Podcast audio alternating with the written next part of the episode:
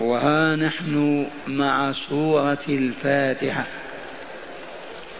ونتلوها بعد أعوذ بالله من الشيطان الرجيم. بسم الله الرحمن الرحيم.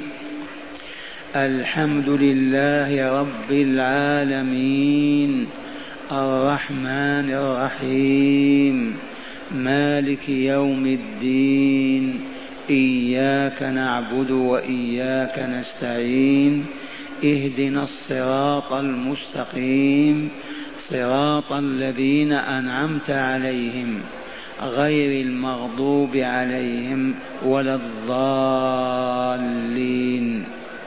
هذه الصورة عرفنا وزادنا الله معرفة أنها تسمى بأسماء كثيرة وذلك لشرفها وعلو مكانتها. إنها الفاتحة وأم الكتاب والسبع المثاني والشافية والكافية. وأم القرآن هذه الصورة عرفنا أنها نزلت مرتين مرة بمكة وأخرى بالمدينة. ومر معها بسم الله الرحمن الرحيم ومر بدونها. فمن هنا عرفنا أنه لا خلاف بيننا. من بسمل هو على حق. ومن ترك البسملة هو على حق. فلا خلاف ولا فرق بيننا. ومن المعارف التي تتعلق بهذه الصورة ما عرفناه عن الاستعاذة والبسملة. فلنذكر ولا ننسى. الاستعاذة هي قولنا أعوذ بالله من الشيطان الرجيم. والبسملة هي قولنا بسم الله الرحمن الرحيم. ولهذا اللفظ نظائر كحوقل إذا قال لا حول ولا قوة إلا بالله.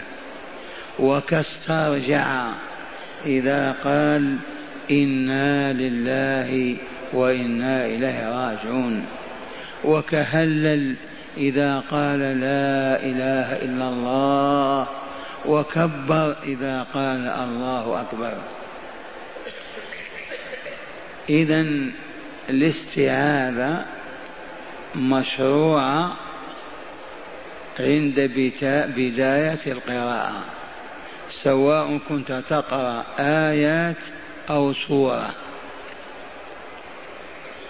فإذا كانت أول الصورة أضفت إليها بسم الله الرحمن الرحيم. فتقرأ هكذا. أعوذ بالله من الشيطان الرجيم. بسم الله الرحمن الرحيم. طاسين. وإن كنت تقرأ من داخل الصورة من أثنائها فتكتفي بالاستعاذة. فتقول أعوذ بالله من الشيطان الرجيم. ألم يروا إلى الطير فوقهم صافات وتواصل قراءتك ومما علمناه أنه يشرع أن نستعيذ بالله من الشيطان الرجيم بعد فراغنا من التلاوة. نستعيذ أول القراءة ليحفظنا الله من وساوس العدو وإملاءاته التي تذهب بنا وتشرد عن هذا النور الذي نعيش تلك الساعة. ونستعيذ بالله عند نهاية أيضا القراءة حتى لا يحملنا على الكبر والعجب فيبطل عملنا. ومن هنا اتفقنا مع علماء الإسلام. لا نزاع ولا خلاف أبدا. أمرنا واحد. إذ ليس لنا مبدأ التشدد مذهبي. طريقتي هذا ما عندنا أبدا. هل سمعتم منذ أن اجتمعنا على كتاب الله وسنة رسوله أن نقول نحن الحنابلة أو نحن الأحناف أو المالكية لا أبدا نحن المسلمون. عباد الله نعيش على نور الله. ونسلك سبيل الله صراطه المستقيم. قال الله قال رسوله صلى الله عليه وسلم. ومن هنا لا فرق والفرقة تسبب الضعف وتوجد آثارا سيئة بل توجد حتى البغضاء والعداء كما هي فطرة الإنسان. إذا عرفنا كيف نستعيذ ولماذا نستعيذ. وعرفنا باسم من؟ نبدأ بسم الله الرحمن الرحيم. لا باسم السلطان ولا باسم الشعب ولا باسم الحزب ولا باسم ليلى ولا سلمى وإنما بسم الله. هذا الجار والمجرور. ما معنى الجار والمجرور يا شيخ؟ ونحن عوام. أتعرف الجار الآن يقوم عبد الله ويجر منصور من رجله من الجار ومن المجرور؟ المجرور منصور والجار من؟ عون الله. إذا عرفنا الجار والمجرور كما عرفه النحاة عمليا. والباء عندنا في بسم الله حرف جر هي الجارة هذه أنثى الباء جارة والهاء والميم من باسم مجرورة تعرفون الجر؟ كسرة من تحت حركة. كالجرة إذا جررت الشيء ما تسحب على الأرض يترك بقية ولا لا؟ هي. هذا معنى قولنا من اليوم إلى أن نختم القرآن الجار والمجرور. وحروف الجر كثيرة من أبرزها هذه الباء بسم الله. إذا هذا الجار والمجرور متعلق. ما يوجد جار ومجرور بلا هدف. لما قام عبد الله يجر منصورا لأي شيء. لابد لغرض يريد أن يبعده عنا إذا فلا بد من تقدير شيء من أجله الجار والمجرور. والتقدير بسم الله أفتتح قراءتي. بسم الله أبتدئ قراءتي. كما تقول عند الأكل بسم الله أبتدئ أكلي. بسم الله أركب دابتي. بسم الله أخاطبكم. أي أبتدئ عملي بإذنه وبالتبرك باسمه. نعم بإذنه وبالتبرك باسم الله لأن اسم الله فيه بركة. بل هو مصدر كل بركة. عرفها الكون ووجدت فيه. يبقى لما نقول بسم الله نقول بإذنه أشرب وآكل وأعطي وأمنع لأننا عبيده لا تصرف لنا إلا بإذنه فما أذن فيه فعلنا وقلنا واعتقدنا وما لم يأذن لا نقول ولا نفعل ولا نعتقد. ومن هنا سمعتم كثيرا هل يجوز لمن يشعل سجارة أن يقول بسم الله؟ حرام عليه كذب على الله. هل يجوز لمن يتناول كأس خمر أن يقول بسم الله؟ كذب على الله. تضاعفت الجريمة. ارتكابه المحرم وفعله إياه ثم الكذب على الله. من هنا تعرفون كلمة بسم الله لماذا تقال؟ بسم الله. أبدأ قراءتي. أبدأ صلاتي أبدأ أكلي أبدأ شربي من جهة لأنه آذن لي وأنا عبده. لولا إذنه لي في الكلام ما ما قلت وفي الطعام ما أكلت. وهو الواقع. هل تقول بسم الله ثم تأخذ في سبنا وشتمنا والتعيير فينا؟ آه الله أذنك. تكذب على الله. لكن إذا قلت بسم الله وأخذت تعظنا تذكرنا نعم أذن الله لك في ذلك بل أمرك ودعاك إلى وعظنا وإرشادنا بسم الله. من هو الله؟ هذا هو رب العالمين. إن لله تبارك وتعالى مئة اسم إلا اسما واحدا. من أحصاها دخل الجنة. بهذا أخبر رسوله صلى الله عليه وسلم. وقد ذكروا روايات أن أسماء الله خمسة آلاف اسم. وقليلا.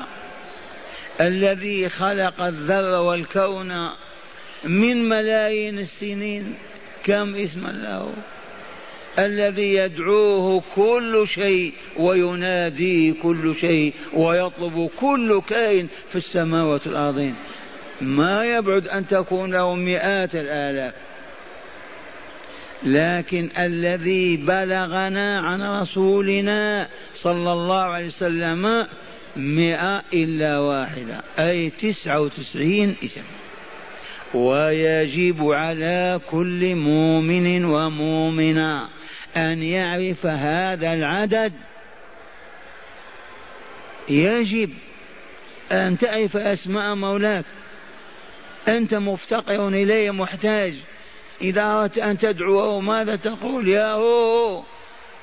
كما يقول الغافلون يا الله يا رحمن يا رحيم يا بديع السماوات والأرض يا ذا الجلال يا حي يا قيوم يا مالك الملك يا عزيز يا جبار يا غفار.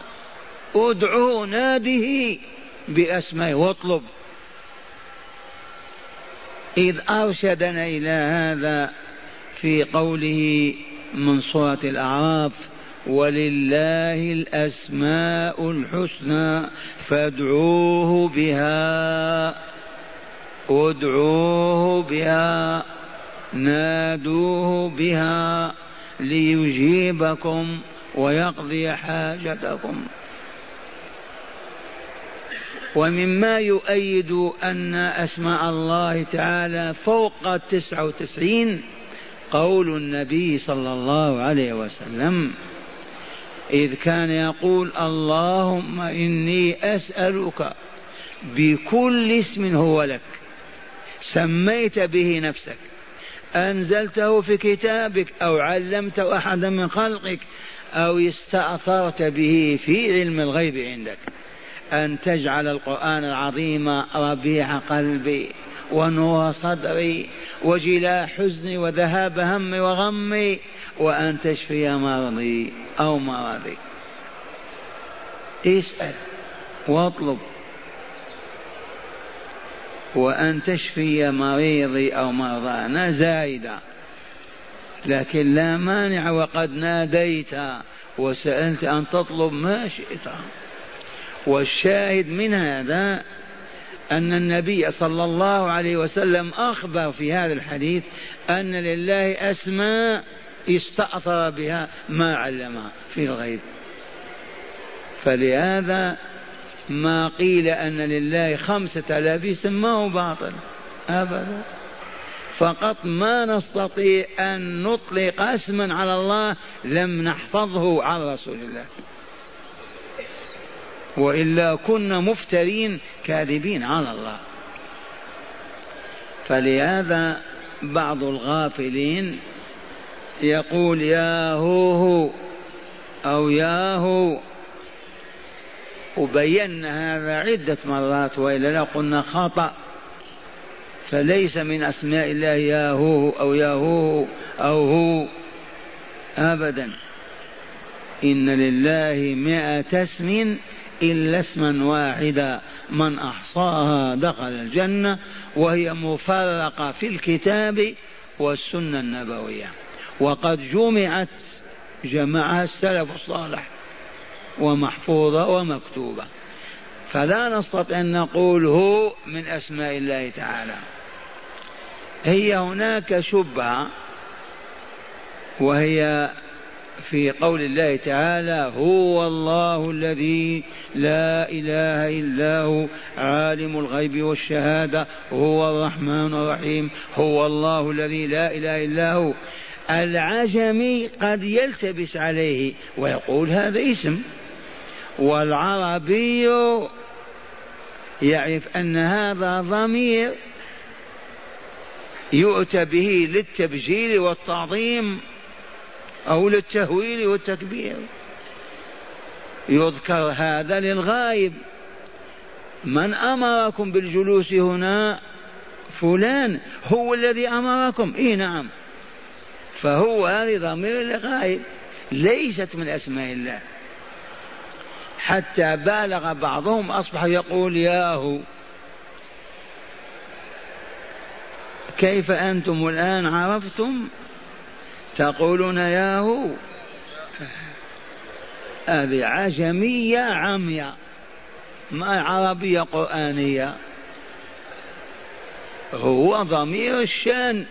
هو ضمير الغائب. حتى لو كان يهودي أو نصراني هو الذي قاتل فلان. لا تدل على مجد ولا على تشريف. إلا في بعض السياقات تدل على الشأن. هو الذي لا إله إلا هو. هل اسم الله جامد أو مشتق؟ والآن العوام يقول ما هذا الكلام يا شيخ؟ وجماعة الدرس يقول نريد أن نفهم. جامد وإلا مشتق الخشبة تعرفون الخشب؟ العمود. هذا جامد وإلا مشتق؟ جامد. الحليب جامد وإلا مشتق؟ منين مشتق؟ جامد. فإذا ضربته مخطه وأزبد الزبدة جامدة ولا مشتقة؟ آه مشتقة من الحليب فالجامد هكذا وجد. ما تبدل ولا تغير. والمشتق ما أخذ من غيره كأخذنا الزبدة من الحليب فلما يقول الناس اسم الله جامد وإلا مشتق؟ وأطالوا البحث والكلام وفي الحقيقة هو ما هو بشيء كبير أن نفهم أنه جامد وإلا مشتق. مما فتح الله تعالى به علي وأنا دائما أفضح نفسي انتبهتم أن اسم الله جامد ومشتق جامد لأن الله عز وجل هو الذي سمى نفسه الله.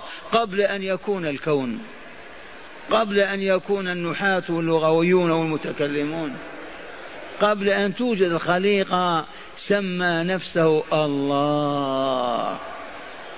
إذا هذا جامد. ولكن الله عز وجل سمى نفسه الله ليعلمنا أنه لا معبود إلا هو. وأن الله هذا اللفظ أصله إله.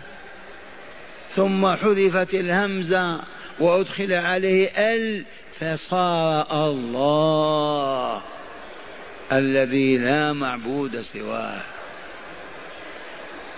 ومن هنا أطلق الخلق كلمة إله على كل معبود. فسمى الله تعالى قبل خلق الكون المعبود بحق الذي لا معبود بحق إلا هو.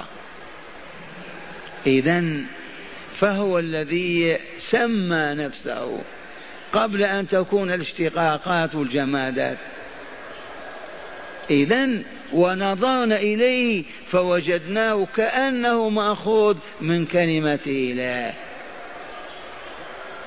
فصح إذا أن نقول اسم الله جامد بالنسبة إلى أن الله هو الذي نطق به وعلمه خلقه. ما نحن الذين اشتققناه من أنفسنا من مادة كذا أو كذا. كما اشتققنا الزبد من اللبن. ولكن هو تعالى الذي سمى نفسه الله. هذا الاسم معشر المستمعين والمستمعات هو الاسم الأعظم. والاسم الأعظم. نقول هو الاسم الأعظم بالنسبة إلى باقي أسمائه. أما ذلك الاسم الأعظم الذي ما دعي الله به تعالى إلا أجاب ولا سئل به إلا أعطى. فشأنه شأن ليلة القدر وشأن الساعة من يوم الجمعة. لما أخفيت لحكمة لو عرفنا الاسم الأعظم الذي ما سئل به الله إلا أعطى ولا دعي به إلا أجاب. هاجرنا باقي الأسماء التسعة والتسعين أو الثمانية والتسعين وتعلقنا إلا بهذا الاسم.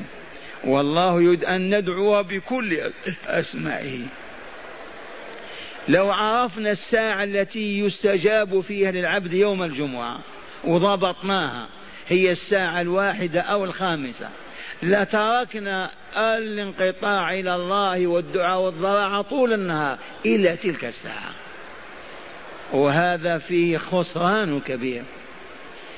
لو عرفنا ليلة القدر لتحيناها ما قمنا ولا صلينا نافلة إلا تلك الليلة. وفزنا بليلة القدر. وتتعطل تلك الليالي كلها. فهذا سر خفاء أو إخفاء هذه وأمثالها. لنبقى ندعو الله طول السنة طول العمر بأسمائه. يا رحمن يا رحيم يا الله يا غفور يا رحيم. ما هو فقط يا حي يا قيوم. والحديث الذي جاء فيه أن النبي صلى الله عليه وسلم سمع رجلا يدعو. فقال له يا فلان لقد سألت الله تعالى باسمه الأعظم الذي ما سئل به إلا أعطى ولا دعي به إلا أجاب. ما كان دعاء السائل؟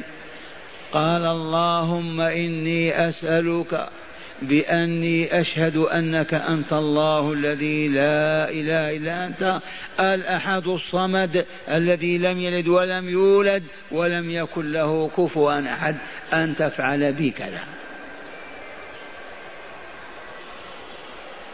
فمن هنا أحببت أن يفهم الأبناء أن إطلاق لفظ الاسم الأعظم على الله هو حق أليس بأعظم الأسماء؟ ما دون الله إلا الرحمن. وما عدا ذلك لا يصل اسم إلى مستوى الرحمن بعد الله جل جلاله. هونوا على أنفسكم. أنتم مأجورون وإلا لا؟ الملائكة تستغفر لكم وإلا لا؟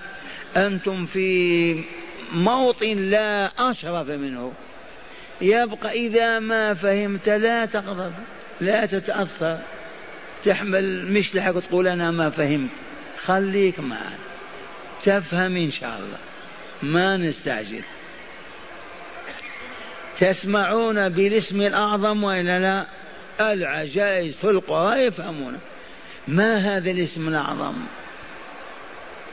هل هو لفظ الله أو الرحمن؟ أو الصمد أو الحي أو القيوم. خفي عنا. ما سر إخفائه أو خفائه ما له علة ما نفهم. لنبقى نسأل ربنا بكل أسمائه. وهذا في خير عظيم وإلا لا؟ بخلاف لو عرفنا الاسم الأعظم تركنا الأسماء كلها وتمسكنا بهذا. وفي ذلك ما فيه من الأذى والشر. عطلنا أسماء الله التي يحب أن نمجده بذكرها ودعائه وسؤاله بها. نظير هذا ليلة القدر. هي توجد في رمضان وإلا لا؟ لو عينها لنا الله تعالى بواسطة رسوله. أتدري أن ثلاثة أرباع المقيمين للتراويح لا يشهدون إلا تلك الليلة. وعندنا مثال في بلادنا العربية والإسلامية حيث الجهل خيم أكثر الأغنياء والمسؤولين وأرباب الدنيا وكذا لا يحضرون إلا ليلة 27 فقط ليالي رمضان في الملاهي والمقاهي. إلا ليلة سبع وعشرين يحضرونها ليلة القدر. أرأيتم وجه الإفلاس وإلا لا؟ ما يشهدون صلاة التراويح ليلة ولا يسمعون دعاء ولا يؤمنون ولا يدعون. يحرمون من ذلك كل إلا ليلة سبع وعشرين لأنها ليلة القدر. والآن فهمتم وإلا لا؟ ساعة يوم الجمعة حذاقنا طلابنا يتربصونها ويطلبونها جمعة يدخل من صلاة الفجر إلى الضحى وهو يصلي ويدعو. الجمعة الآتية من صلاة الضحى إلى أذان الجمعة وهو جالس يصلي يدعو أراد أن يمسكها يظفر بها. جمعة أخرى من صلاة الجمعة إلى العصر وهو عاكف يصلي ويدعو. أراد أن يأخذ هذه الساعة. جمعة خامسة من العصر إلى المغرب. يتلمس وإلا لا؟ فإذا قلنا لو إنها الساعة الواحدة أو الرابعة فرفش ما صلى ولا حضر إلا تلك الساعة. والآن فهمتم لما اختلف في الاسم الأعظم وإلا لا؟ إذا أردتم أن تظفروا به سلوا الله بكل أسمائه. مرة بالرحمن ومرة بالرحيم ومرة يا الله ومرة يا ذا الجلال ومرة يا حي يا قيوم تظفر بهذا بإذن الله. بسم الله. إذا الإله المعبود بحق. الذي ذل له كل شيء وخضع له كل شيء وتحير في جلاله وكماله كل شيء من المخلوقات. من هذه المعاني كان اسم الجلاله الله. هذا الاسم نتبرك به ونستأذن الله تعالى به. كيف نتبرك؟ بسم الله الرحمن الرحيم. طاسم تبركنا ولا لا بسم الله. أشرب العسل والماء بإذنه ولا لا لو لم يسمح لنا بشرب الماء نشرب؟ لما لم يسمح بشرب الخمر نشرب أو شربنا؟ الجواب لا. إذا من جهة نتبرك ومن جهة نستأذن ونطلب الإذن. إذا الحمد لله. عرفنا علما كثيرا من بسم الله الرحمن الرحيم. هيا مع الحمد لله رب العالمين. الحمد عرفنا في الدرس الماضي أنه الوصف بالجميل. إذا وصفت إنسانا بالجمال حمدته. قلت طويل القامة جميل المنظر لين العريكة كريم النفس أنت تمدحه هذا هو الحمد. وعرفنا أن الحمد كله لله. ال للاستغراق. ال للاستحقاق. قلها. من المستحق للحمد يا عباد الله؟ الله. نعم. إذ كل كمال وجمال هو مصدره. هو المستحق الحمد جميع المحامد وألفاظها على تنوعها قد استغرقها الله ولا ينالها سواه لأننا شرحنا بسم الله نبدأ. منصور ذكي منصور ذكي من وهبه الذكاء؟ إذا الحمد لله ما هو لمنصور منصور كريم سخي مدحنا بالكرم والسخاء وإلا لا. هل هو خالق كرمه وسخائه؟ بل كرمه موهوب له معطى والمعطي هو الله. إذا الحمد لمن صار لله. علي بطل. شجاع يختطف الفارس ويضرب به الأرض. هذه القوة وهذه الشجاعة من خلقها من وهبها من أعطاها. أليس الله؟ إذا الحمد لمن؟ لله ولعلي لله.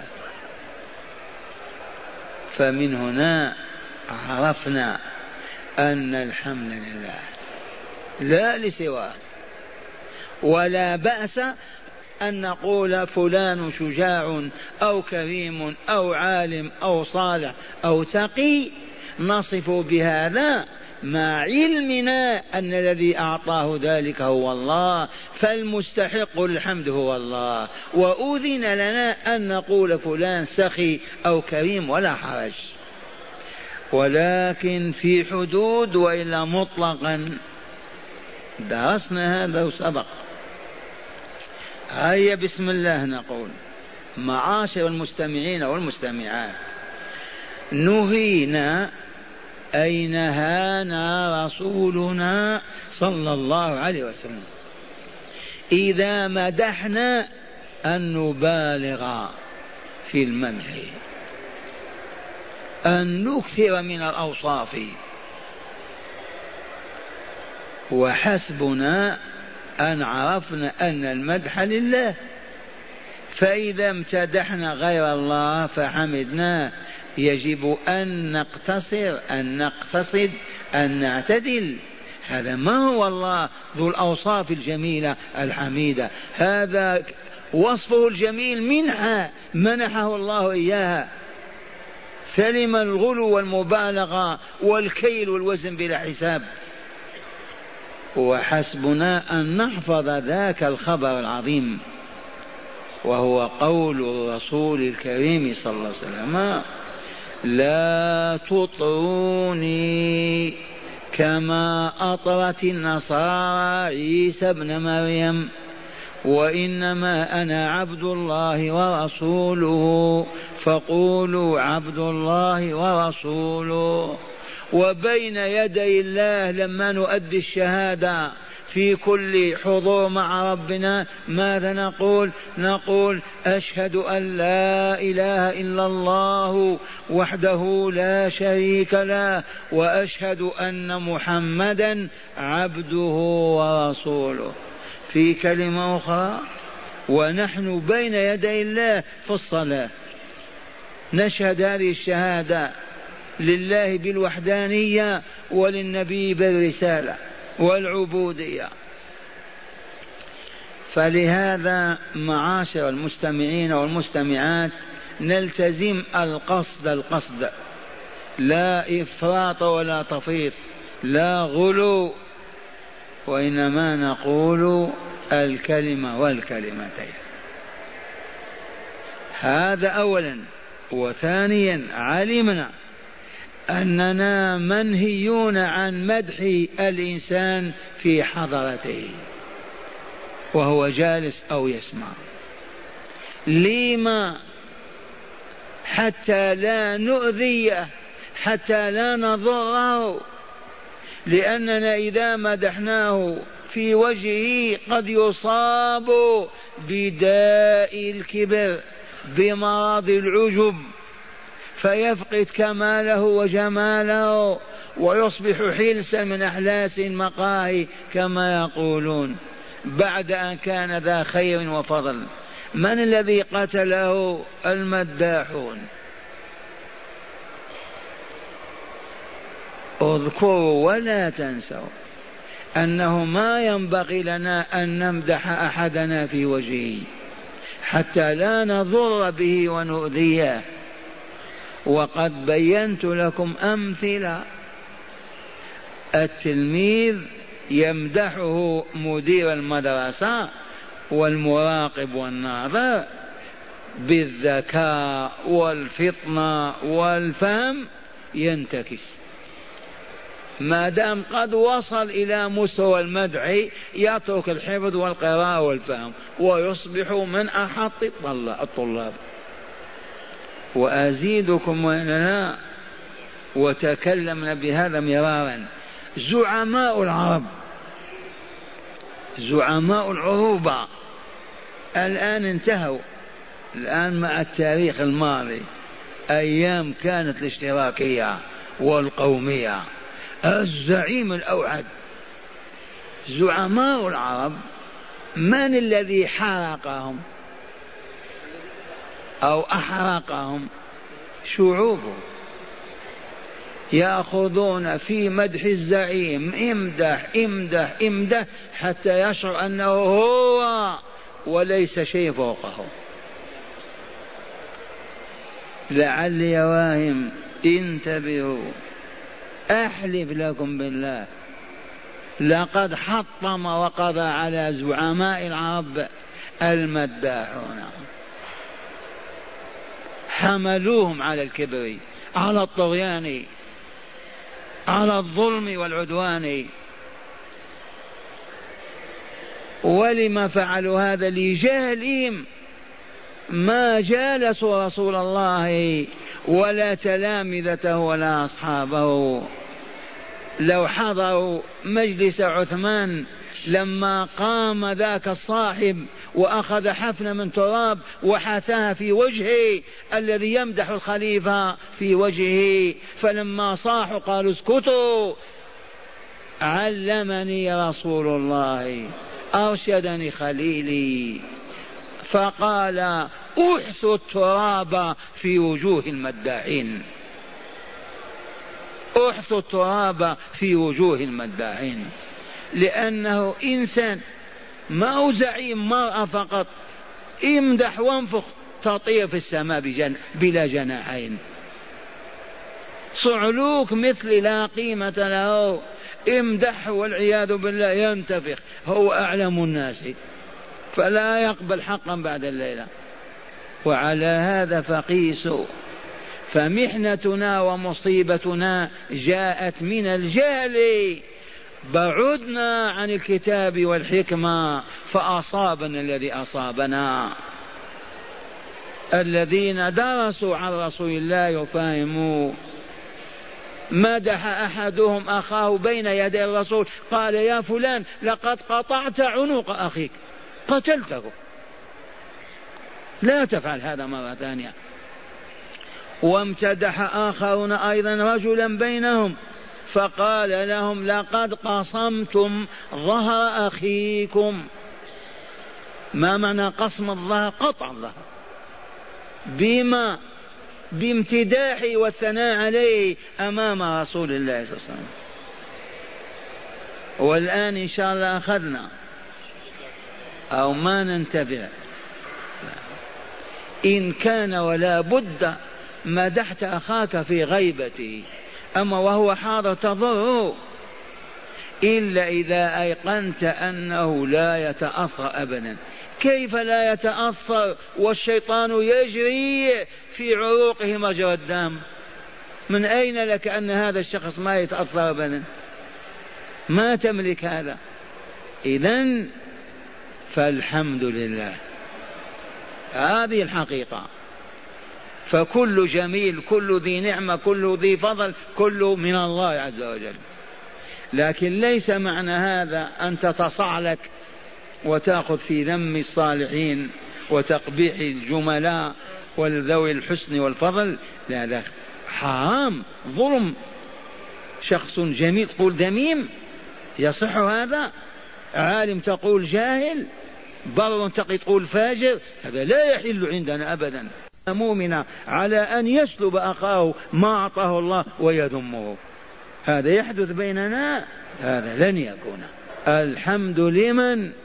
لله رب. من هو الله؟ رب العالمين. كأن سائل يسأل من هو الله؟ الذي له الحمد خاصة. الجواب رب العالمين. أي خالق كل مخلوق. إذ لفظ العالم مشتق من العلامة. والعالم اسم جمع لا مفرد له. فكل كائن يدل على وجود الله. إذ كل موجود لا بد له من موجد وإلا لا. هذه قررناها وفهمناها وأصبحت من البدهيات ما نستطيع نجد كأس شاهي على الطاولة نقول هذا وجد بنفسه. من قال هذه الكلمة يقال مجنون هذا. وإلا لا. كيف والشمس من علقها في السماء؟ من نفسها. أنت مجنون هذا الكلام. إذا فالذي استحق الحمد هو خالق كل شيء. ومربي كل شيء. كلمة الرب هذه تدل على الخلق وعلى التدبير وعلى التربية وعلى الكلاء والحفظ. إذ كل شيء مربوب مخلوق مدبر حياته محفوظة بحفظ الله تعالى. لأن لفظ العالمين يشمل كل كائن كل ذرة في الملكوت الأعلى والأسفل. إذ ما من شيء إلا وهو علامة على وجود الله وعلمه وحكمته. لما تشاهد عصفورا يزغرد على غصن شجرة. هذا العصفور يدل على وجود الله وإلا لا؟ وعلى وجود علمه وقدرته وحكمته وإلا لا؟ إذا فالله تعالى هو رب العالمين. خالقهم رازقهم معبودهم مدبر حياتهم مغنيهم مفقرهم إذ هذا كله تابع لحكمته وعلمه وقدرته وتدبيره. رب العالمين. ثانيا تريد أن ترى الله الرحمن الرحيم. فلاحظ لتتجلى لك هذه الحقيقة. دائما نقول انظر إلى الدجاجة هل تعرفون الدجاج وإلا لا؟ الدجاج عندكم تقولوا دجاج صناعي. كذبة هذه خرافة. في دجاج صناعي؟ ويقولوا بيض صناعي. لو اجتمع العالم بأسر على خلق كوت كوت واحد ما استطاعوا. بل ريشة في ذلك العصفور. لأن المغالطات كما قالوا العقل الصناعي. العقل الصناعي في من يخلق عقلا. لا يوجد من يخلق نملة ما هو عقلا. إذا فهذه الدجاجة شاهدها لما تكون ترعى مع أبنائها. وانظر كيف توسع من طاقتها. وتدخل كل أفراخ أفراخها تحتها. وتأخذ تعلمهم كيف يتغذون. تنقر الحب وتبين لهم كيف يضربونه بمناقيرهم. هذا مظهر من مظاهر الرحمة ولله. من أودع هذه الدجاجة هذه الرحمة. وانظر أيضا ونحن نعرف هذا العنزة أم الجدي. وإذا كان لها ولدان أحيانا. فانظر إليها كيف تتطامن تتواطأ. لأن إذا كانت واقفة هكذا ما يصل إليها الجدي حتى يرضعها أو يصل. هو صغير. فهي تنزل نزولا بثديها وجسمها. ثم لما يأخذ يرضع تأخذ تناغيه بنغم خاص. من أودع هذه الرحمة في هذه العنزة. وأقرب من هذا كله أمك أيها الفحل يا سامعية من حول الدم القانع الأحمر في جسم المرأة إلى لبن أبيض. لما هذا؟ لما ما تصبه دما أحمر يقتل؟ كيف يتحول إلى لبن أبيض سائغ لمن يشرب مظاهر الرحمة الإلهية ولا لا يذكر الرازي في تفسيره عن إبراهيم بن أدهم قال كنت جالسا مع أحد الإخوان فجاءت المائدة سفرة عبارة عن خبز ممكن فيه زبدة وإلا. قال وضعت المائدة وإذا بغراب يختطف واحدة. يختطف قرصة تعرفون القرص وإلا لا؟ اختطف. قال فاتبعته أجري وراه. أجري وراه. مشى مشى حتى وصل إلى تل إلى جبيل صغير. ووضع. فطلعت الجبل فوجدت رجلا مغلولا مكتوف اليدين والرجلين موضوع في تلك القمة. والغراب وضع القرص بين يديه. لا إله إلا الله. هذا مظهر من مظاهر الرحمة الإلهية. من بعث الغراب يختطف القرص ثم يتجه نحو هذا المكبل المغلل على رأس الجبل. الله. هنا تجلت رحمة الله والا لا الرحمن الرحيم. ومظاهر الرحمة لا حد لها. لو فكرنا قليلا لو تدبرنا وتأملنا. هذه صاحبة سليمان الملكة ملكة النمل هذا الخبر مسجل عندنا في القرآن بالحرف الواحد. ما عندنا كلام يقال ممكن ما وقع. كان عليه السلام أي سليمان يستعرض قواته البرية والجوية أيضا. وشأن الملوك والحكام يستعرضون يستعرضون قواهم لأنهم دائما في غزو جهاد. فمرت جحافل الجيش وإذا بنملة تصرخ وتقول يا أيها النمل ادخلوا مساكنكم لا يحطمنكم سليمان وجنوده وهم لا يشعرون. نملة لما جاءت لما شاهدت الخيول والزحف قريبة صاحت في بنات جنسها تحثهم على أن يتخذوا لأنفسهم مهرب منجأ ينجون فيه. ادخلوا الغيران وإلا الجحور هي قرى ادخلوا مساكنكم لما؟ حتى لا يحطمكم سليمان وجنوده وهم لا يشعرون. فأعجبت هذه الكلمة سليمان. لأنها نزهته من الظلم أبعدته عن الطغيان. هل عرف هذا زعماء العرب الذين يذبحون بعضهم بعضا؟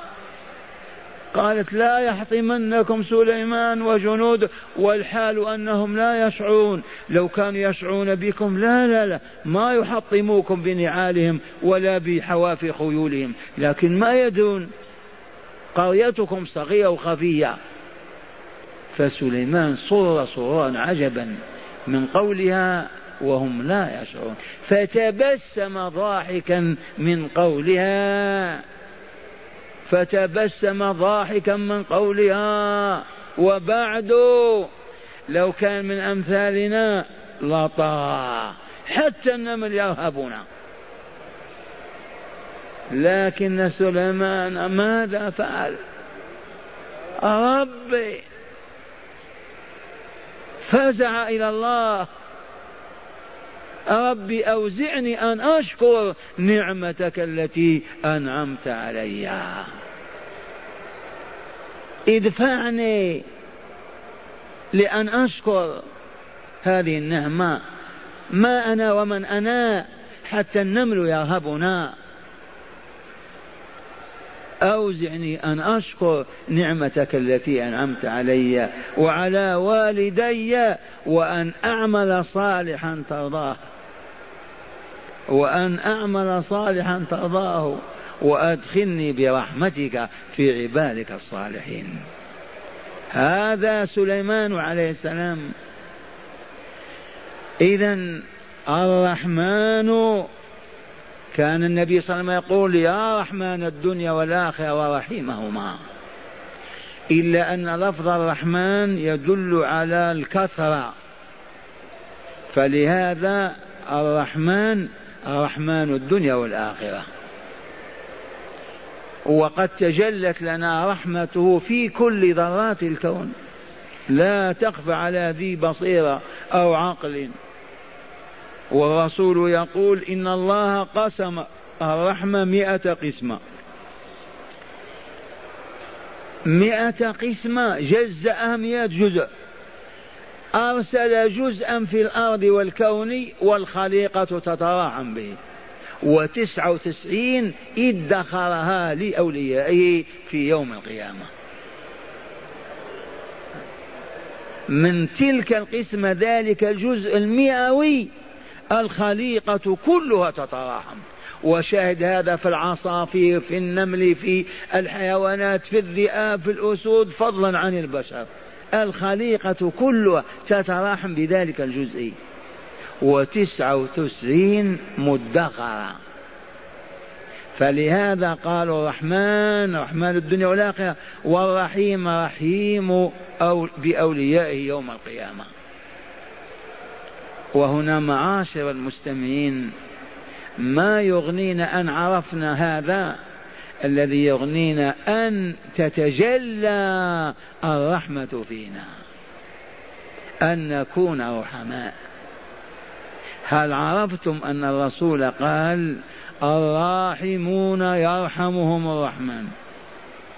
القساة العصاة الأشد الغلاظ ليسوا أهلا لرحمة الله. في يوم القيامة. ما يرحمهم. بل يعذبهم في أتون الجحيم. الراحمون يرحمهم الرحمن. ارحموا من في الأرض يرحمكم من في السماء. من هو الذي في العلو الكمال؟ الله. وقد عرف المؤمنون والمؤمنات الرحمة وعاشوها.